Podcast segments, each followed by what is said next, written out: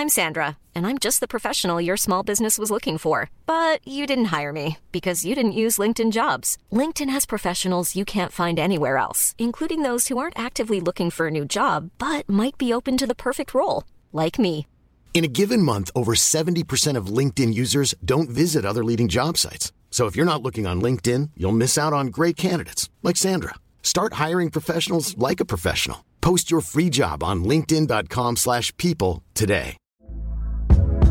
Hey there, it's Michelle Norris. I'm host of a podcast called Your Mama's Kitchen. When I travel, I'm usually looking for a way to find a taste of home when I'm not at home. And one of the things I love to do when I am at home is entertain. And Airbnb allows me to do that. When I was in California recently, I rented a house that had a great kitchen. And when we were sitting around the table, we we're all thinking, we're in someone else's house. Someone could be in all of our homes as well. If you have a home, but you're not always at home, you have an Airbnb. Your home might be worth more than you think. Find out how much at airbnb.com/slash host. Quality sleep is essential. That's why the Sleep Number Smart Bed is designed for your ever evolving sleep needs. Need a bed that's firmer or softer on either side? Helps you sleep at a comfortable temperature? Sleep Number Smart Beds let you individualize your comfort so you sleep better together. JD Power ranks Sleep Number number 1 in customer satisfaction with mattresses purchased in-store. And now, save 50% on the Sleep Number limited edition Smart Bed for a limited time. For JD Power 2023 award information, visit jdpower.com/awards. Only at a Sleep Number store or sleepnumber.com. Vi är denna vecka sponsrade av Indie Beauty. Och Sofie, det här tycker jag är extra fint och extra roligt. Ja men Indie Beauty är ju ett skönhetsvarumärke som jag tror att väldigt många känner till, men det jag älskar mest det är att Indie Beauty liksom vill vara mer än bara produkter, vilket de ju också är. Exakt, Indie Beauty står ju för Independent Beauty, skönhet på dina villkor och för din egen skull. Och Indie Beauty tror ju stenhårt på ett alternativt skönhetsideal fritt från måsten, skam och känslor av otillräcklighet. Där är jag helt med Indie Beauty. Jag med. Det är så jag vill att skönhet ska vara. Ja men verkligen. Och vet du vad som är nytt för i år Sofie? Berätta. Från och med i år så skänker Indie Beauty 1% av sin försäljning till Suicide Zero, Tjejzonen och Djurens Rätt. Så när man handlar produkter från Indie Beauty så kan man liksom känna att man också ger tillbaka till samhället. Ja, kraften i tillsammans. Ska jag säga en sak nu då, Mm. som jag, det, men det är detta jag är extra glad över. Nu har Indie Beauty tagit fram en keps och den tycker jag ändå så på sommaren, skydda sig från solen, Jättebra, jag älskar kepsen. men det bästa, de bidrar till Suicide Zeros viktiga arbete för att minska antalet självmord och självmordsförsök. Så för varje såld keps så går hela vinsten, 100 kronor, direkt till Suicide Zero. Då kan man liksom göra nytta både för samhället och sin hud på en och samma gång. Ja, och kepsen kostar 169 men alltså hela vinsten går då som sagt till Suicide Zero. Mm. Så om man vill göra skillnad när man är där ute i solen, nu när den börjar titta fram, då ska man välja den här kepsen. Den säljs exklusivt på indiebeauty.se och på Apotea. Tillsammans kan vi skapa en ljusare framtid. Vi ses med kepsarna på! Tack Indie Beauty. Vi är sponsrade av Mindler och som ni säkert vet sedan tidigare så är vi ju ute på psykologresan tillsammans. Men hur vet man egentligen när det är dags att söka hjälp? Ibland uppstår saker i livet som kommer utmana oss och kännas tufft. Det mesta självläker vi oss igenom, för vi är menade att ta oss igenom en viss mängd påfrestningar. Men ibland behöver man professionell hjälp för att ta sig ur jobbiga perioder i livet. Men vart går då gränsen? Vad är en del av livets skavighet och när är det läge att söka hjälp? Det sägs till exempel att stress är farligt, men att det också kan vara bra. Alla sover dåligt ibland, så när har man egentligen sömnproblem? Ångesten kommer väl krypande för de flesta någon gång. Så när ska man se ångesten som outhärdlig? Hur vet jag? Med oss som psykolog har vi såklart min gamla psykolog Linnea Seidbrant. Men Linnea, vad är egentligen utmattningssyndrom? Utmattningssyndrom är en konsekvens av svår och långvarig stress utan möjlighet till återhämtning. Vi är ju då skapta för att klara av stress, men vi behöver också återhämtning. Om du utsätts för för mycket stress under en lång period utan att du får till den nödvändiga återhämtningen så kommer kroppen till slut att säga ifrån. Och det är faktiskt så att alla har en gräns. Du kan drabbas av en rad fysiska eller psykiska besvär som trötthet, sömnproblem, hjärtklappning, besvär från magen och tarmarna och mycket annat. Och det här är ju då varningssignaler och tecken på att du kan behöva göra någonting åt din situation. Annars så kan besvären utvecklas till att du mår så dåligt på sikt att du blir psykiskt och fysiskt utmattad. Ladda ner Mindler till din telefon och läs mer på mindler.se. Hur besegrar man sig själv? Vad ska du bli när du blir stor? Den typiska vuxenfrågan till små barn studsade snabbt tillbaka från den sexåriga flickan i Karlshamns simhall. Jag ska bli bäst i världen. Jag ska vara hemma och träna lite mer först.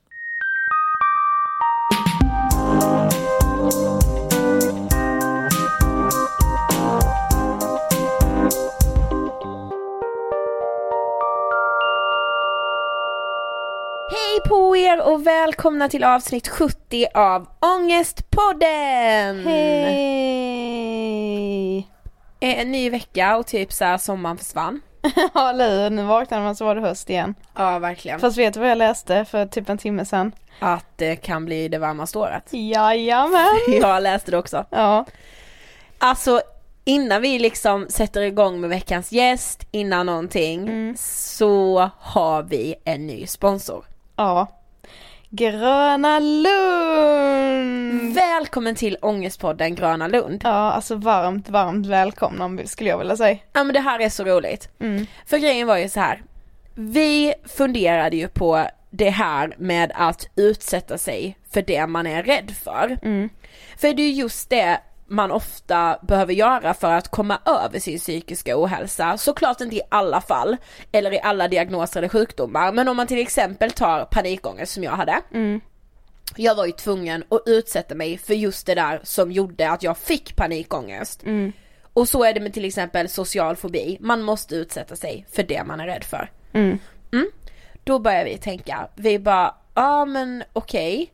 Det där skulle man ju faktiskt kunna jämföra med att våga åka fritt fall, med att våga åka en berg och dalbana, med att våga gå in i spökhuset. Mm, jag bara sitter och ler för jag bara ja, ja, ja. Och Gröna Lund tyckte ju också att det där var en helt fantastisk koppling. Ja, precis. Gröna Lund vill ju liksom att alla dessutom ska känna sig välkomna till parken och man gör ju verkligen det när man kommer dit. Det är så här man bara, alltså här ska jag bara vara och ha så kul idag. Jag vet. Och bara, Släppa allt. exakt så. Här inne ska jag släppa allt. Mm. Sen vet jag inte ifall jag hade vågat mig in i spökhuset, det kan jag ju säga men Men tänk din känsla efteråt. ja, jag ska faktiskt ge det ett försök i sommar. Vi ska ju till Gröna Lund och vara där en hel dag liksom. Och övervinna alla rädslor. Japp, och då, jag, jag ska in i spökhuset och jag ska det. Du får tvinga mig. Ja men jag vet, alltså och du får ju tvinga upp mig i fritt fall. För jag vet ju känslan efteråt. Mm. Det är ju den här, ja men den här känslan av att jag klarar allt. För exakt så var det för mig när jag hade suttit på första middagen som jag var så jäkla rädd för. När jag hade gjort det efter min terapi och allting och bara nu sitter jag här på den här middagen och jag satt kvar under hela middagen. Mm. Den känslan, alltså den känslan måste man framkalla hos sig själv oftare. Mm. Perfekt att göra på Grönan. Exakt, alltså den känslan efteråt det är, alltså man är ju så jäkla stolt över sig Jag själv. vet. Och den känslan förtjänar man, tycker jag, att känna mycket oftare än vad man faktiskt gör. Att vara stolt över sig själv är typ den bästa känslan som finns. Ja jag vet. Och dessutom så har ju Gröna Lund, ja men dels har de väldigt många unga anställda och de har många unga besökare och då tycker jag verkligen det är fantastiskt att de visar att de tillsammans med oss tar kampen mot den psykiska ohälsan. Tack Gröna Lund. Och på tal om här utmana sig själv, så går det lite hand i hand med eh, veckans gäst tycker jag. Alltså jag vet, jag älskar henne. Ja, jag med. Wow, Ja. säger jag bara. Idag gästas vi av, som ni redan har sett på grund av vad avsnittet heter, Emma Igelström. Woo! Och det är så himla kul för det är så här första elitidrottaren som gästar oss. Mm. Ja det är det faktiskt, jag har inte ens tänkt på. Tänkte du det?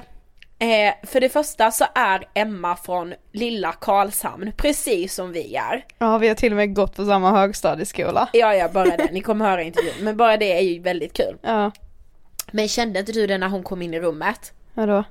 Jag kände sån respekt. Ja, jag gjorde med det. Nej men du vet, här har vi en människa som har dratt in guld efter guld till vårt land. Ja, men eller hur? Jag bara, oh, wow. Ja. Alltså så här, jag kände sån respekt för henne och verkligen bara Alltså, ja men ja, du fattar vad jag menar. Mm. Ja, ja, men lite wow-feeling så. Ja, riktigt mycket, riktigt starstruck. Ja, Verkligen. ja faktiskt. Mm. Starstruck, det skulle jag med säga. Men man blir ju där vid idrottsprofiler så. Ja, det blir, ja, det, ja. Det blir man faktiskt. Det kanske är för Ja. att man själv någon gång när man var liten drömde om att man skulle, jag kommer till och med ihåg att jag hade en vadslagning med en kille i min klass när jag gick i typ ettan kanske, Ja. att jag skulle bli fotbollsproffs. Ja men det är klart jag skulle också bli fotbollsproffs. Hoppas han har glömt den vadslagningen nu. jag lär förlora. Jag blev poddproffs, hallå? Ännu bättre. Eller hur? Nej men eh, alltså under den här intervjun, alltså jag satt så och nickade med åt så mycket saker. Mm. För även om jag kanske önskade att jag var elitidrottare och jag inte är det, Mm. så, så kan man ändå känna igen sig trots att man inte är det. Ja, ja. Just den här, alltså att jaga liksom, ja men topprestation Mm. hela tiden. Precis, hela tiden prestera och aldrig liksom nöja sig med sina prestationer. För att man hela Exakt. tiden tänker att man kan prestera ännu mer. Ja. Eh, ja, ni ska väl få lyssna på intervjun och vi ska inte fortsätta babbla här i all oändlighet. Så eh, precis som vanligt rullar vi intervjun med Emma Igelström. Varsågoda!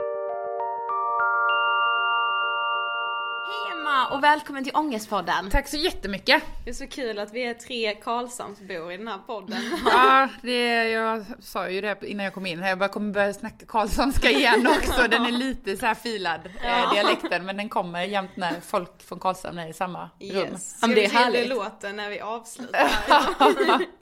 Men vi börjar som vi brukar göra. Vem är Emma Igelström? Eh, nej men jag är mig själv skulle jag säga.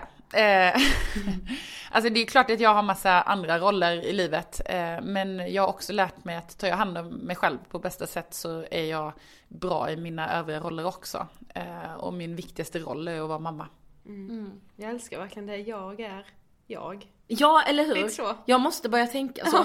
För det blir ju den här som vi pratade lite om att man säger vad man jobbar med. Mm. Vad man gör, inte vem man är. Och så är det ju alltid när vi ställer den här frågan också. Då säger alltid vår gäst, ja men jag bloggar eller jag jobbar med Ja det eller film." ålder har jag tänkt Ja, på att man mm, också säger så här. Eh, ja men det, det är konstigt för att jag ofta säger, jag har ju faktiskt testat det några gånger ni vet så här, när man går fram och hälsar på människor. Och så ska man presentera sig och jag kan säga så här, ja men jag heter Emma, jag är glad och positiv och social. Då blir folk så här, då blir det lite obekvämt. Ja. Medan egentligen det borde vara det mest relevanta liksom. Ja, men precis. Ja. Ja. För det är alltid så här vad man jobbar med. Ja, Eller gör. alltid. Ja. Det, det är konstigt. Men ja. Eh, och nu får du ångest på den frågan. Eh, vad tänker du på när du hör ordet ångest? Eh, nej men alltså, ångest för mig är nog det som hindrar mig att leva mitt liv fullt ut. Eh, jag är inte rädd för det längre, eh, men det ändå sätter ändå käppar i hjulet. Vi tänker att vi ska prata prestationsångest, simning och bulimi idag. Alltså en salig blandning. Eh, men vi känner ändå att vi måste gå tillbaka i tiden lite. För när vi googlade dig och insåg hur mycket medaljer du har tagit. Eh, så tänkte vi ju bara wow, det har ändå varit en av världens främsta elitsimmerskor. Men vi känner att vi måste ba- backa bandet lite. Så hur började det, alltså hur, hur kom du in på simning liksom? Och hur, hur började allt? Men alltså det är faktiskt en ganska kul historia, först, första gången jag var i en bassäng. Eh, jag kommer från en hockeysläkt, alla spelar hockey och det är bara killar i släkten. Eh, min farmor tog mig till eh, simbassängen första gången, det var en sommar. Um, och man skulle lära sig simma på land. Ni vet så man ligger och så här, kör de här eh, bensparkarna på land. Ja just det. Ja, och sen går, går hon den här simfröken runt och sen så säger hon ett okej och då får man hoppa i vattnet. Och så kommer hon till mig och så stannar hon och så säger hon bara så här, Emma du kommer aldrig kunna simma bröstsim för du kan inte vinkla dina fötter. Så här skitpedagogiskt, en treåring. Men eh, alltså jag var verkligen så här, jag hade bara tagit farmor i, i handen och bara så här, jag ska minsann visa dem.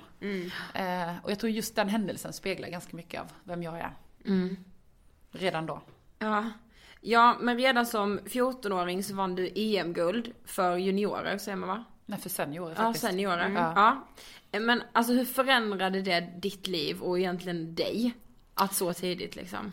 Ja men jättemycket. Eh, Jag menar ni är själv från, från samma stad som jag är. Eh, Mm. Jag var en vanlig åttondeklassare på en liten skola i en liten stad med vad allt vad det innebär. Gick du Eh, på Österslätt? Ja, jag gick på Österslättsskolan. Ja, vi med. Ja, Samma ja, samma skola. Eh, och helt plötsligt den dagen, eller över en natt, så visste typ alla i hela Sverige vem jag var. Eh, med allt vad det nu innebar. Eh, så att resten av min så här, ungdom från den där dagen i åttan var så här, halva tiden på Österslättsskolan i Karlshamn som en vanlig åttondeklassare och resten av tiden så reste jag jorden runt med ja, men mina simkompisar som var dubbelt så gamla, gamla som jag var. Och det är klart att det blev så två olika världar och jag kände mig inte hemma till slut i någon av Nej. dem. Men vi läste i din bok att att komma från en liten stad så, så det märks ganska mycket när man liksom sticker ut så, eller gör någonting så stort som liksom inte händer så ofta som att du tog det här guldet då. Men och att det lätt väcks ganska mycket avundsjuka. Eh, hur märktes det för dig?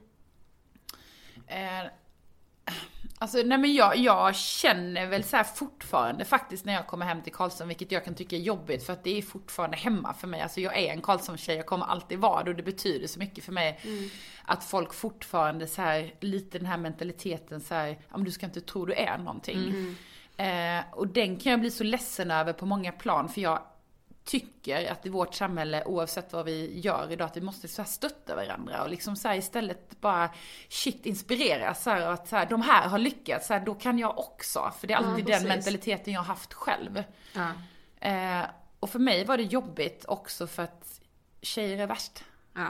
Ja, jag har inte mycket tjejkompisar från Karlshamn. Nej. Men var det mycket så här att de, alltså att man typ så i korridoren bara, "Ah, Emma tror verkligen att hon är någonting. Ja men gud ja. Alltså, sen vet inte jag hur mycket, så här, för det har jag tänkt på efter när man har mognat lite och lärt sig saker. Hur mycket jag själv trodde att det var så, vilket gjorde att jag kanske också tog avstånd. Men det var så här verkligen, jag kommer ihåg jag kom till klassrummet den där dagen efter det där EMet med min medalj. Alltså jag, jag var ju liten, jag hade min medalj med mig liksom. Men det är klart. Och bara så här, sa, ja men kom in stolt och bara fick höra direkt så här, bara, men du ska inte tro du är någonting för den där medaljen.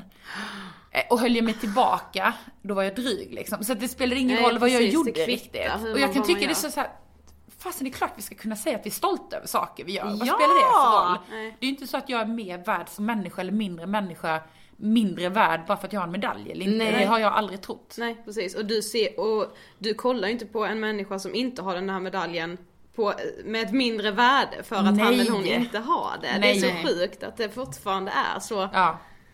Ja, jo men vi läste det här i en tidning. Fyra VM-guld, ett VM-silver, 12 EM-guld och en hop andra medaljer. Och dessutom den första kvinnan någonsin under 30 sekunder på 50 meter bröstsim. Alltså det låter ju verkligen så här. det där är ju sånt drömliv så att man bara oh, wow. Men du mådde ju egentligen inte så bra under den här perioden. Ehm, kan inte du berätta lite om hur det var? Alltså hur var det egentligen för dig att vinna så medalj efter medalj och bara bli bättre, bättre liksom? Ja.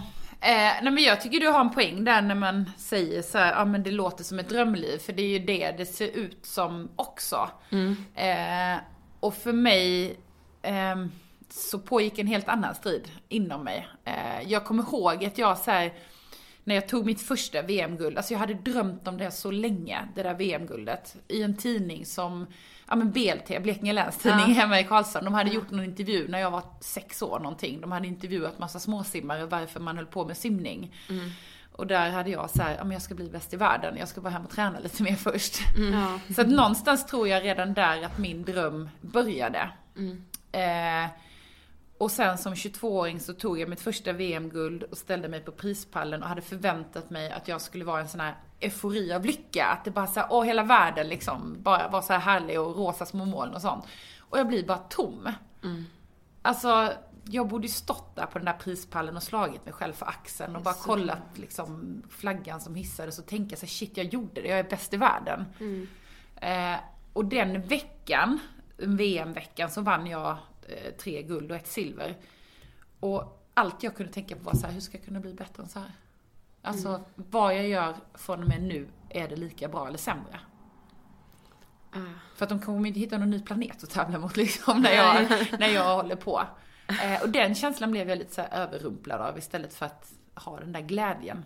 Ja men när du väl stod där då, hade du liksom aldrig upplevt den känslan tidigare då? Alltså blev du nästan liksom överrumplad över att du fick den känslan av att du inte kände glädje? Eller hade du alltid varit så här prestera, prestera, prestera? Ja, men jag har alltid varit prestationsmänniska liksom. Ja. Men det jag blev överrumplad av, det var ju att jag var så övertygad om att det var så här utopin av lycka att vinna VM. Alltså precis som någon sa, ja men utopin av lycka är om jag går ner 10 kilo eller om jag får det där jobbet eller om jag eh, blir bjuden på den där festen eller om jag åker till Thailand över jul. Alltså vi har så mycket så här, om jag bara. Ja. Eh, och jag vet att när jag åkte hem från det där VMet så började jag må sämre och sämre. Eh, och det var känslor som jag aldrig hade upplevt, liksom den här jag tänker att prestation i sig är ju inte farligt, men när det blir en ångest av prestationen eller när det blir, drivkraften blir en rädsla att misslyckas istället. Och jag vet, precis som, som vi var inne på det, jag tänkte så här bara shit jag måste prata med någon. Men vad säger man? Så här, ah, jag har vunnit tre VM-guld så här, jag mår lite dåligt. Alltså det var inte Ja, riktigt så här, då började jag jämföra mig med folk som så här, ja men verkligen led. Eh, men det har jag ju liksom så lärt mig idag också att så ja men vem sätter pris på hur jag mår? Det spelar ingen roll. Nej. Det var så en man som sa till mig en gång, så han bara, det spelar ingen roll om man kraschar sin Ferrari eller sin cykel, det kan göra lika ont. Precis. Och det är verkligen så. sant. Ja, gud ja, det är så sant. Men du har även sagt att du hade väldigt bra självförtroende i bassängen men inte riktigt lika bra självförtroende utanför bassängen. Alltså kände du att du liksom var prestationerna som du faktiskt presterade i bassängen just? Men inte bara i bassängen tror jag. Eh, alltså jag har ju varit likadan i skolan eller liksom så här på fotbollen på rasten eller gympalektioner liksom. Eh, men jag var väldigt trygg i liksom i simsammanhang. Eh, och det är klart att det är bra att hitta ställen i samhället där man är trygg. Men det gör också att jag inte behövde hitta några andra ställen eller platser eller liksom ställen där jag var behövd i att luta mig tillbaka på. Jag tror att det är väldigt farligt om man hittar någonting i livet som betyder alldeles, alldeles för mycket. Ja shit det är typ sant. Ja, faktiskt. Nej men jag tänker så om man säger, vet ni vem David Lege är? Nej. men han är, så, han är handikappsimmare. Eh, Vi hörde en föreläsning, han sa så här, men tänk livet som ett hjul och så har du ett nav i mitten och så måste du fylla liksom det där med ekrar. Och ju fler ekrar du har desto mindre gör de en gå av. För hjulet rullar ju ändå. Och den metaforen tycker jag, så här, det tänker jag ofta på idag sen när någonting tar över hand i mitt liv. Så att fasen, nu måste jag ha något mer som är viktigt för vad händer Om det här försvinner ja. liksom. Och idrotten till exempel, den är ju så skör. Alltså du kan ju bli skadad och sen är det liksom kört. Precis. Ja shit vad sant. Ja, vi tänkte komma in lite på dina ätstörningar och eh, främst bulimin. Eh, hur började det egentligen? Eh, nej men alltså det var ganska så här, ehm, ganska hård början för mig. Det var en tränare som sa till mig att jag var för tjock för att bli bäst i världen. Eh, och då var jag 15 år. Eh, det kan man ju tycka vad man vill om. Samtidigt så var jag i en grupp av vuxna människor. Eh, jag kanske hade tagit annorlunda när jag var 25. Men det är ju ingenting som är speciellt pedagogiskt då att säga. Speciellt inte till en 15-åring. Nej verkligen inte. Eh, och för mig handlar det aldrig om att här, bli snygg eller smal, utan för mig handlar det om att bli bäst. Och jag tyckte att det var en jätteskillnad på det. Jag tyckte inte så här, man får inte anorexia på att bli bäst, man får anorexia för att man vill vara smal liksom. Men ville du liksom, alltså vad menar du med att bli bäst? Alltså ville du, kände du att du presterade bättre idrottsmässigt om du liksom lyckades typ hetsäta och sen spy upp det? Nej men fast i början gick jag ju ner väldigt mycket i vikt. Ja. Eh, så att jag litade ju så blind på den här tränaren så att sa han att det var det som krävdes för att jag skulle bli bäst i världen så var jag ju beredd att göra det liksom. Men sa han, alltså gav han dig några tips på hur du då Nej. skulle gå ner i vikt? Han Nej sa det var ju det du- som är såhär, Ja. nej. Så att jag bara typ slutade ju äta liksom. Ja. Ja, att vara 15 år och få höra det, det är klart att man tänker, ja då får jag sluta äta. Ja, Speciellt men om man redan som du då var så inställd på att så här, prestation, jag ska bli bäst i världen, då är det det här jag får göra. ja. Ja, Och sen tänker jag, det var så många år sedan också så det var inte lika upplyst liksom på det sättet heller. nej Nej. precis. Men var det så då att du liksom tog medalj på medalj samtidigt som du led av ätstörningar? För det låter ju som att kroppen på något sätt borde säga ifrån. Ett tag går det ju. Ja. Kroppen är ju fantastisk så. Eh, sen hade jag ju ätstörningar i väldigt många år. Sen kan jag ju liksom ta ut de perioder i mitt liv som de har varit väldigt fysiska ätstörningarna. I vissa tider så hade jag liksom inga hetsätningar, inga bantningar, men jag mådde ju liksom dåligt inne i huvudet. Mm. Alltså så symptomen fanns ju alltid där liksom, även om det inte... ehm, Hiring for your small business? If you're not looking for professionals on LinkedIn, you're looking in the wrong place. That's like looking for your car keys in a fish tank. LinkedIn helps you hire professionals you can't find anywhere else, even those who aren't actively searching for a new job but might be open to the perfect role. In a given month, over 70% of LinkedIn users don't even visit other leading job sites. So start looking in the right place. With LinkedIn, you can hire professionals like a professional. Post your free job on linkedin.com/people slash people today. Here's a cool fact a crocodile can't stick out its tongue. Another cool fact you can get short term health insurance for a month or just under a year in some states. United Healthcare short term insurance plans are designed for people who are between jobs, coming off their parents' plan, or turning a side hustle into a full time gig. Underwritten by Golden Rule Insurance Company, they offer flexible, budget friendly coverage with access to a nationwide network of doctors and hospitals. Get more cool facts about United Healthcare short term plans at uh1.com. Even when we're on a budget, we still deserve nice things. Quince is a place to scoop up stunning high-end goods for 50 to 80% less than similar brands. They have buttery soft cashmere sweaters starting at $50, luxurious Italian leather bags, and so much more. Plus, Quince only works with factories that use safe, ethical, and responsible manufacturing. Get the high-end goods you'll love without the high price tag with Quince. Go to quince.com slash style for free shipping and 365-day returns.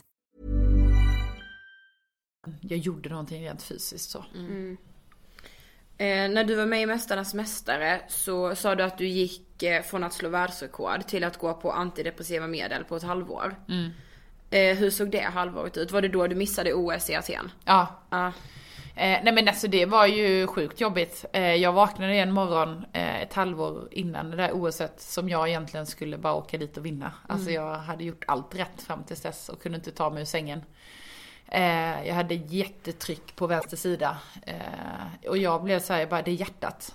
Mm. Jag kommer ihåg jag ringde min pappa så han bara, fast jag är i Karlshamn, du är i Stockholm så jag kan inte göra något, så du måste till sjukhus. Mm. Och sen när jag kommer dit eh, så tar de alla tester på mig och sådär. Och efter ett tag så kommer läkaren in och bara så här, det är inget fel på ditt hjärta utan du har drabbats av en panikångestattack. Mm. Och det tyckte jag var så sjukt jobbigt. Alltså jag ville liksom inte, det var någonting som inte jag kunde ta på. Det hade nästan varit lättare att han bara, ja men det är hjärtat. Ja. Och jag vet jag sa så här till honom, eh, ja men du det här med panikångestattacker, kan vi ta dem ett halvår efter OS? och han bara, men det funkar inte riktigt så. Eh, och sen i samband med det också så hade de gjort tester på mig rent fysiskt och jag var ju helt tömd. Alltså mina näringsvärden var ju i botten. Eh, Mm. Jag hade ju plågat min kropp på med både träning och ätstörningar och allting så jag, det var ju inget kvar liksom. Nej. Men jag tänker, visste dina föräldrar om din ätstörningsproblematik? Eller var det, var det någon som visste om det? Eh, nej, alltså egentligen inte. Eh, vi har pratat om det sådär efterhand och alltså, vilket som jag också, så här, man har en närstående så att men shit vi borde ju sett. Mm. Eh, men det man ska veta är ett missbruk också det är att jag blev expert på att ljuga. Alltså Ja. jag kunde ju varenda ursäkt och var, liksom, varenda eh, extra runda jag skulle ta för att inte avslöja någonting. Mm. Och sen bodde jag ju hemifrån, jag var iväg mycket liksom. Ja, och sen blir det väl också så att liksom du var ändå en man tar typ för givet att när du är en, en elitidrottare så är det så här, då har man stenkoll på maten. Man har typ så ett kostschema. Bara, Ja, den precis. minuten ska du äta ett äppel, sen ska du äta Ja. proteinshake. Alltså det Ja. känns som att det, man har sån stenkoll från liksom typ tränare och alla i ens omgivning. Så det, Mm. man tar typ för givet att alla har så bra relation till mat för att det är ändå så stor del av träningen att man också får i sig allt man måste. Ja men och jag tror inte det är bara med maten, alltså så här, inom idrotten. Man tror typ så att idrotten är något heligt liksom. Ja. Alltså man tänker så här, där finns inga problem och det Nej, är bara det är så sunda det människor som håller på med. hälsosamt hela tiden. Och det tror jag är ett problem för idrotten överlag så här, för att varför skulle inte det spegla samhället i övrigt? Alltså Mm. i form av missbrukare eller liksom vilken sexuell läggning man har eller depressioner. Det är väldigt, väldigt svårt att prata om inom idrotten, de här sortens problem. Det är lättare med ett skadat knä liksom. Ja precis. För, ja, och det är ju så en fin gräns på något sätt. Från att så här vara väldigt strikt i sin kost och så här, bara det här, det här och det här ska jag äta och så här ska jag lägga upp det för att bli bäst i världen. Till att det faktiskt tippar över och inte alls är hälsosamt liksom. Ja, och har du den lilla genen också eller den liksom som, som man kan utveckla så är det ju en hård gräns. Och Jag tror inte så här, jag tycker, alltså det är en del av spelet att hålla koll på kosten. Eh, men så länge man vet det, vet att man gör det för att man ska prestera bättre, att det inte handlar om något annat. Då är det lugnt liksom. Ja, precis. Men vad hände där då när du hade fått den här panikångestattacken? Alltså bestämde du bara att okej men nu får jag ta tag i mitt psykiska mående istället för OS i Aten? Fast nej, alltså jag var inte riktigt klar där heller tror jag. Eh, Jag förstod ju ganska fort att det inte blir något OS. Alltså så här, har du ingen kropp som funkar och ingen knopp som funkar, alltså det är det man har att spela på. Ja. Eh, så det förstod jag ganska fort och då var jag lite såhär, nej men då vill inte jag simma mer, jag orkar inte liksom satsa om fyra år till och sådär. Sen fick jag hjälp med ätstörningarna eh, och jag fick liksom den supporten men alltså det var ju också återigen bara såhär, ja men vi tar bort symptomen. Vi lär dig äta, ja men fast Ja. det var inget varför. Nej. Och sånt, sånt kan jag bli så trött på, så här i efterhand. Det var ju inte maten som var på, alltså maten var ju symptomet på något annat Ja, liksom. Och Det var ju symptomet på min prestationsångest. Ja. Men det var ingen som pratade om det då. Nej. Men när förstod du det själv då? Ja men det var ju långt senare, det var ju liksom min andra brak i mitt liv och då höll det ju på att gå riktigt, riktigt illa för mig liksom. Ja. Men, men visste så här, alltså visste dina tränare eller dina föräldrar att du var väldigt så här bara okej men Emma har ju ändå den här prestationsångesten och hon liksom, hon kan ju, hon skulle ju träna ihjäl sig om ingen satte stopp för det. Alltså, eller? Alltså det, ja, jo, alltså de, de har ju alltid vetat att jag har varit en prestationsmänniska och eh, min mamma har ju ofta så här, ja men det spelar ingen roll vad du gör och du vet så här, och, och pappa också. Alltså de har ju aldrig, jag har aldrig känt mig pressad någonsin från mina föräldrar men det är ju också det här, den prestationsdrivet är ju också den största styrkan du kan ha i elitidrotten. Alltså för att den, Såklart. hade jag inte haft den Nej. så hade inte jag blivit bäst heller. Nej precis, vi pratade ändå om det, alltså att just ha den här Alltså prestationsångest kan ju verkligen vara bra också för det är den som gör att du presterar ditt allra yttersta. Ja men så är det ju. Ja. Ja. Men vi läste ju din bok All In, Allt eller Inget. Eh, skulle du säga att du är, verkligen är en sån person, alltså att det är så här, det är verkligen allt eller inget? ja, rakt av, hela tiden. Ja. I allt du gör liksom. Eh, ja, fast jag skulle säga om så här spannet var liksom stort innan så är det kanske lite mindre nu. Eh, Men framförallt har jag också så här strategier för att det inte ska bli så. Ehm, i, I allt egentligen jag gör liksom. Ehm, så att jag är väldigt medveten om den sidan hos mig själv. Och idag skulle jag nog säga att det är min största styrka. Ja. Alltså jag känner igen det så mycket. För du, du, jag kollade på något annat tv-program där du var med. Så sa du det, du bara, men alltså jag kan se, göra prestationsgrejer av vad som helst. Typ hämta Olivia på dagis. jag bara, oh my god jag kommer bli så när jag blir förälder. Att jag liksom ser en prestation i det också. För jag är exakt sådär. Ja. Alltså jag ser allting som prestationsgrejer. Om jag ska på en middag så är det liksom världens största grej. Och då måste jag prestera på den här jävla middagen jag ska på. Ja. Eh, ja det, det är sjukt. Fast idag är det så här, jag älskar fortfarande att prestera liksom, för det är en så stor del av mig själv. Men själva prestationen sitter inte i, alltså den styr inte mitt liv. Alltså jag är väldigt trygg idag så här att, ja men så här, ja men spelar jag in en skitpodd här nu, ja men Olivia är fortfarande där när jag kommer hem. Ja, eh, liksom min sambo står där, jag har fortfarande allt det andra kvar i mitt liv och liksom jag står stadigt på jorden och sådär.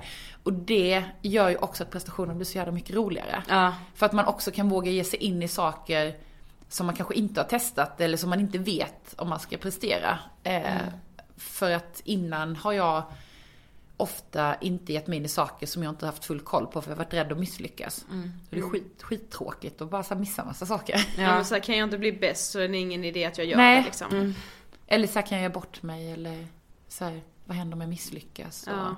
Och, så blir det liksom den drivkraften istället. Ja. Men hur ser ditt liv ut idag? Alltså simmar du? Eller? Nej, men jag har ju så här, jag håller på med ett socialt experiment med mig själv nu får man ju ändå säga. Jag, jag var ju sen när jag slutade tävla så bestämde jag mig för att jag kommer aldrig mer liksom tävla igen så här, i någon fysisk idrott. Eh, och jag kunde inte förstå varför folk höll på att springa massa motionslopp och trängas på gatorna och sånt. När bara en kunde vinna, det fattar inte jag liksom. Men sen så för typ tre år sedan så testade jag triathlon. Eh, det är ju simning, cykel och löpning. Eh, och fastnade och bara så tyckte det var så sjukt kul hela tiden. Alltså helt plötsligt så här sprang jag runt och tävlade och bara log hela tiden. Och liksom jag så här sket ju liksom tiden för mig blev så sekundär liksom. Eh, och så hade jag haft en sån här på min bucketlist att säga, men någon gång ska jag göra en Ironman. Det är liksom den längsta av den längsta triathlonen. Bara så här pricka av det. Så det gjorde jag i Kalmar i somras. Och så var jag så sjukt nära att kvala till VM. Och jag bara, åh, ett VM till. så där satt jag så här, jag bara, okej, 2016 ska bli året då jag kvalar till VM eh, på Hawaii i triathlon. Så det, jag lägger ner väldigt mycket tid på det nu.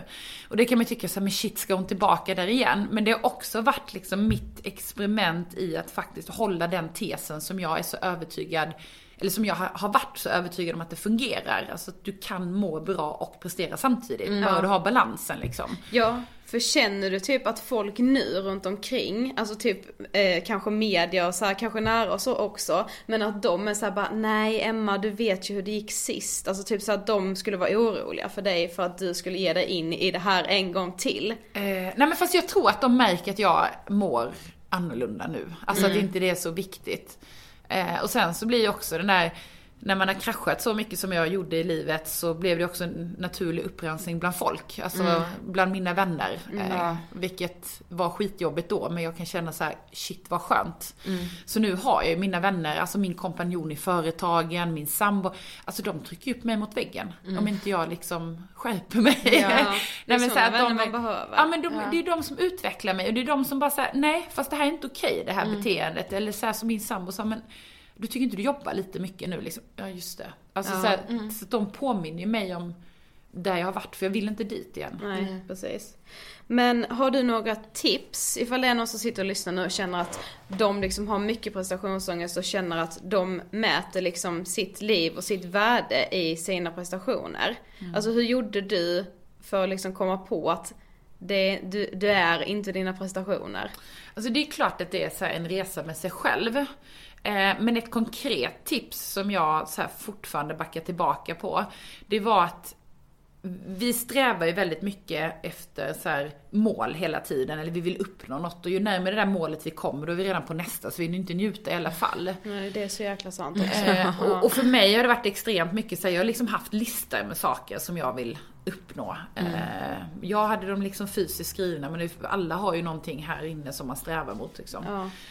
Eh, men jag hade inte en enda gång skrivit ner en lista på saker som jag hade i mitt liv. Så att jag satte mig ner och skrev så här, ja men så här helt konkret, ytliga saker, personer, känslor, alltså allt som jag hade liksom. Allt från så här, ja men min dotter till min sambo, till en bil att köra, till ett hus att bo, alltså allt som jag kunde komma på. Och så jämförde de där listorna, liksom där, vilka mål jag hade med den listan som jag ehm, ja, som jag hade i livet liksom. Ja. Mm. Och så tänkte jag så här, om, det, om jag står inför en situation någon gång i mitt liv där jag bara får rädda en lista, vilken skulle jag räddat? Och det var ju så här självklart, det är klart med den jag hade. Så att idag kallar jag det bonuslista istället. Vilket också gör, för jag menar jag kan också ha prestationsångest om jag ska Mm. göra något stort jobb eller stå inför en tävling. Men då tänker jag så här, "Ha, vad händer om inte jag kommer i mål på den här Ironman? Vad händer om inte jag kvalar till VM? Allt på den där listan står kvar i alla fall. Bra. Det är det, det viktigaste. Jag ska också göra en bonuslista. Eh, jag ska till- Ja men det är så jäkla bra, det är Ja. så enkelt och det är bara att vända tanken. Ja. Verkligen. Ja men man, vi slogs verkligen av det när vi läste din bok. Jag bara, det känns som att Emma har förstått livet typ. Det kändes verkligen så här, du bara, ja ah, men så här, det här, så här kan man tänka kring balans, så här kan man tänka kring, ja men allt liksom, tacksamhet, alla de här delarna. Som, som vi i det här samhället Alltså i den takten vi jobbar, i den takten saker utvecklas. Man bara glömmer bort allt det där. Ja. Det är så här, det, det bara försvinner, man prioriterar bort tänket på något sätt. Ja, och man är också så här, man ska istället för, tänker jag ofta så här, att man ska jobba mot, eller vi vill gärna jobba mot samhället. Så vi Mm. åker på så här yoga-retreat och tysta, tysta helger och allt vad det är liksom. Ja. Mm. Istället för att bara säga, okej fine, så här är vårt samhälle nu. Det är jäkligt ytligt, det är mycket som händer. Ja. men då kanske vi får fylla det med lite djup och lite lugn för att balansera upp det. För vi Precis. kan ju liksom inte stoppa samhället Nej, på något nej. sätt. Precis. Och det kommer alltid utvecklas runt Ja. omkring oss som vi inte kan påverka. Sen älskar jag det för i varje kapitel hade du typ skrivit så här, bara, men det finns, det finns inga exakta regler för hur du ska uppnå, men så var det typ så här lycka, bla bla bla bla, Ja. bla. Det finns bara ditt sätt. Ja. Och det är så bra också tycker jag. Ja, men jag tror vi, det, för det är verkligen någonting som jag så här, genuint tror på i allt. Så här, att jag måste hitta mitt sätt och det ser Ja. inte likadant ut som era sätt. Nej. Men vi är så himla ehm, det går så fort att vi ska hänga på trender så fort Mm. oavsett vad det kommer liksom till så här, träning eller dieter eller liksom må bra. Alltså då är det så här, shit vi får ju nästan prestationsångest för att vi ska personlighetsutveckla oss själva Mm. så Ja, mycket men liksom. precis. Ja. Ja. Stopp, stopp. Ja. Ja. Det är så. Vi har kommit till sista frågan. Oj. Ja. Vad inspirerar dig? Eh, alltså det är massa saker som inspirerar mig. Men människor som vågar testa nya saker, som vågar gå utanför sina komfortzoner, inspirerar mig sjukt mycket. Eh, min dotter inspirerar mig galet mycket också. Alltså för att barn har en tendens att se så sjukt enkelt på saker. och rakt och de lever mycket mer här i nuet. Eh. Så hennes tankesätt brukar jag få ta med mig när jag behöver det. Tack så jättemycket för att du ville gästa Ångestpodden. Tack för att jag fick komma. Ja, Tack. det var lite Karlshamnsdialekt här. Ja, ja, ja. Ja. Ja. Nej men jag vill ju börja simma. Det är ju det jag vill nu. Ja, så nu hittar man dig eh, inom bassäng i sommar, simmandes fjäril. Ja, jag ska fråga Emma det. Om hon är hemma i Karlshamn i sommar samtidigt som mig. Om vi kan dra några längder. På väggabadet. Ja. Ja men faktiskt. Ja. Nej men alltså på riktigt, så inspirerande och väldigt så omskakande att höra på också. Mm. Ja men jag minns när eh, Frida, vår bästa kompis, var sjuk i bulimi. Då läste vi ju båda Emma Igelströms bok. Ja, men precis. Mm. Och jag kommer liksom ihåg, det var typ ändå första gången jag ändå kunde tänka så här. Allt behöver inte vara precis som det ser ut. Nej jag vet. Alltså fattar du? Det är liksom så här, hon bara simmade hem massa guld, men mådde piss egentligen. Nej men jag vet, alltså jag tänkte på det för jag pratade med min pappa efter den här intervjun för Ja. han är så här, alltså, alla idrottsprofiler, pappa var wow, Ja. typ liksom. Ja mamma var med bara wow. Ja men du vet, men de, man, man följer liksom, alla, allas föräldrar följer ju alla idrotter, det Ja. kommer nog med åren sen så här. Men ja, pappa i alla fall, han bara wow det är riktigt stort så här. Mm. Och jag bara, men pappa förstå att hon stod och tog guld, hon stod högst upp på prispallen men hon var inte lycklig. Nej. Och då, ja precis, då blir det verkligen så här. det minns jag med när jag läste boken.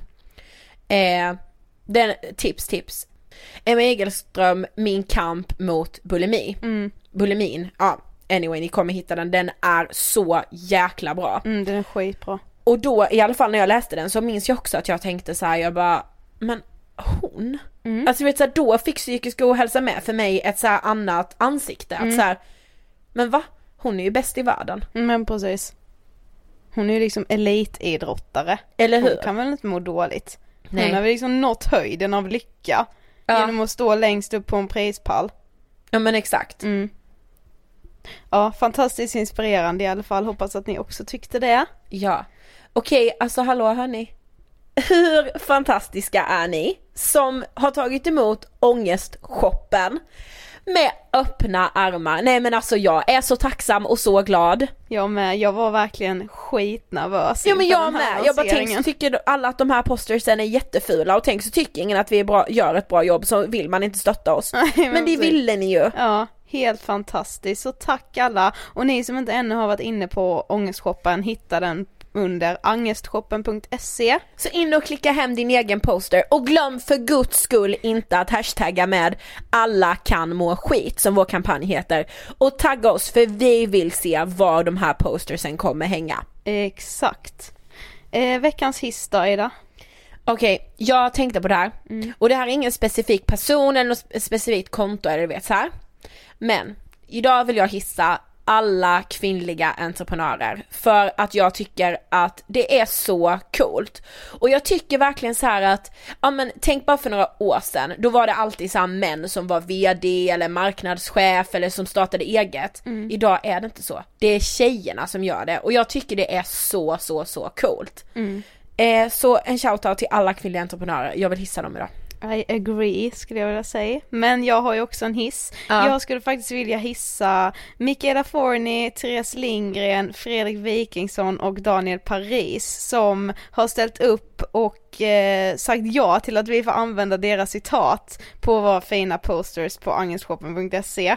Så Åh. stort tack till er fyra, ni är verkligen fenomenala. Nej men ni är hjältar, Ja. jag älskar er. Så säger jag till och med.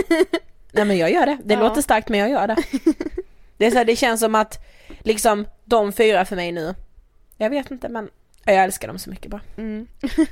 De sa så bra saker också så det får vi också tacka Precis, för. det är liksom. inte konstigt att vi har liksom Nej absolut inte. Nej.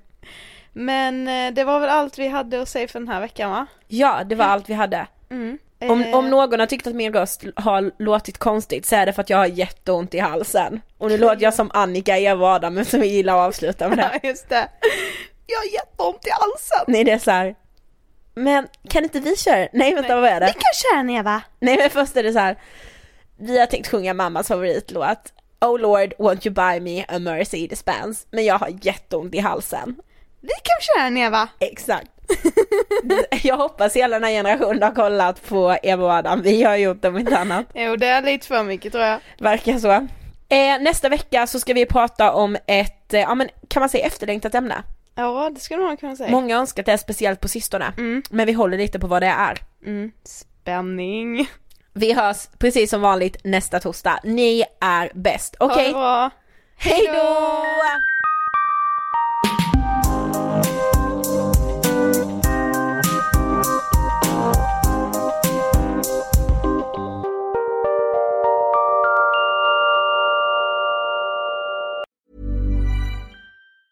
Planning for your next trip?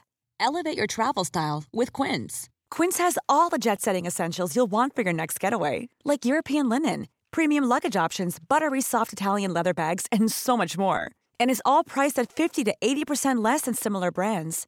Plus, Quince only works with factories that use safe and ethical manufacturing practices. Pack your bags with high-quality essentials you'll be wearing for vacations to come with Quince. Go to quince.com slash pack for free shipping and 365-day returns.